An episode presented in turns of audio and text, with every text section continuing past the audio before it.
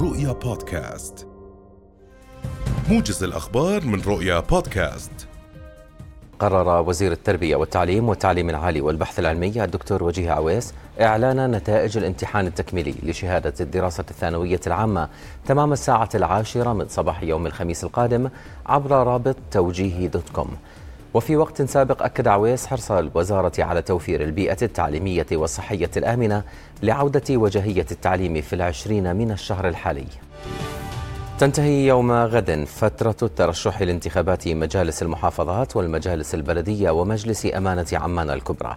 وباشرت الهيئة المستقلة للانتخاب بدراسة طلبات الترشح التي استلمتها حيث تقدم في اليوم الأول للترشح 3195 مرشحا ومرشحة بحسب الهيئة المستقلة للانتخاب.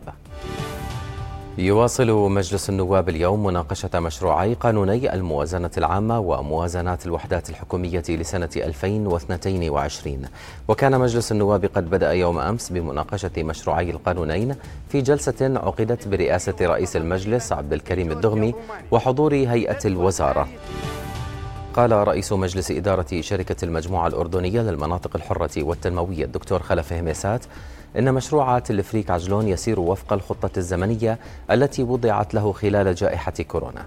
هميسات أضاف أن نسبة الإنجاز في المشروع وصلت من 55 إلى 60% وأن المرافق الخاصة بالمشروع جاهزة بنسبة 80% وأكد أن الانتهاء من مشروع التلفريك سيكون في شهر حزيران المقبل ما لم يحدث أي عائق. أكد مدير عام المؤسسة العامة للغذاء والدواء الدكتور نزار مهيدات أن المؤسسة تطبق عدة إجراءات نوعية لتسريع وتسهيل عملية تسجيل الأدوية بما يضمن تحقيق الأمن الدوائي وتوفير الأدوية والبدائل العلاجية الآمنة بأسعار مناسبة. وبين مهيدات أن المؤسسة استحدثت وعدلت العديد من التشريعات والتعليمات لتسريع تسجيل وتقييم الأدوية إضافة إلى منح الأولوية للأدوية ذات القيمة العلاجية أو قليلة التوفر بالإضافة إلى إعطاء الأولوية لدراسة ملفات الإجازة الطارئة خلال جائحة كورونا. أوصت اللجنة الوطنية لمكافحة الأوبئة بتخفيض مدة حجر مصابي كورونا لمدة خمسة أيام لمن هم بدون أعراض وسبعة أيام لمن يعانون من أعراض. وقالت الدكتورة نجوى خوري عضو اللجنة الوطنية لمكافحة الأوبئة لرؤية إنها لا تستبعد بأن 90% من إصابات كورونا المسجلة في الأردن يوم أمس تعود لمتحور أوميكرون والباقي لمتحور دلتا.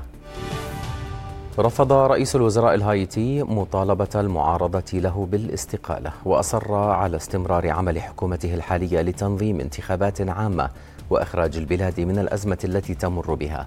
وجاء خطاب رئيس الوزراء بعد احتجاجات نظمتها المعارضة للمطالبة بالعدالة فيما يتعلق باغتيال رئيس البلاد جوفينيل مويس العام الماضي وللمطالبة بحكومة جديدة بموجب اتفاق مونتانا وهي مبادرة من المجتمع المدني والأحزاب السياسية.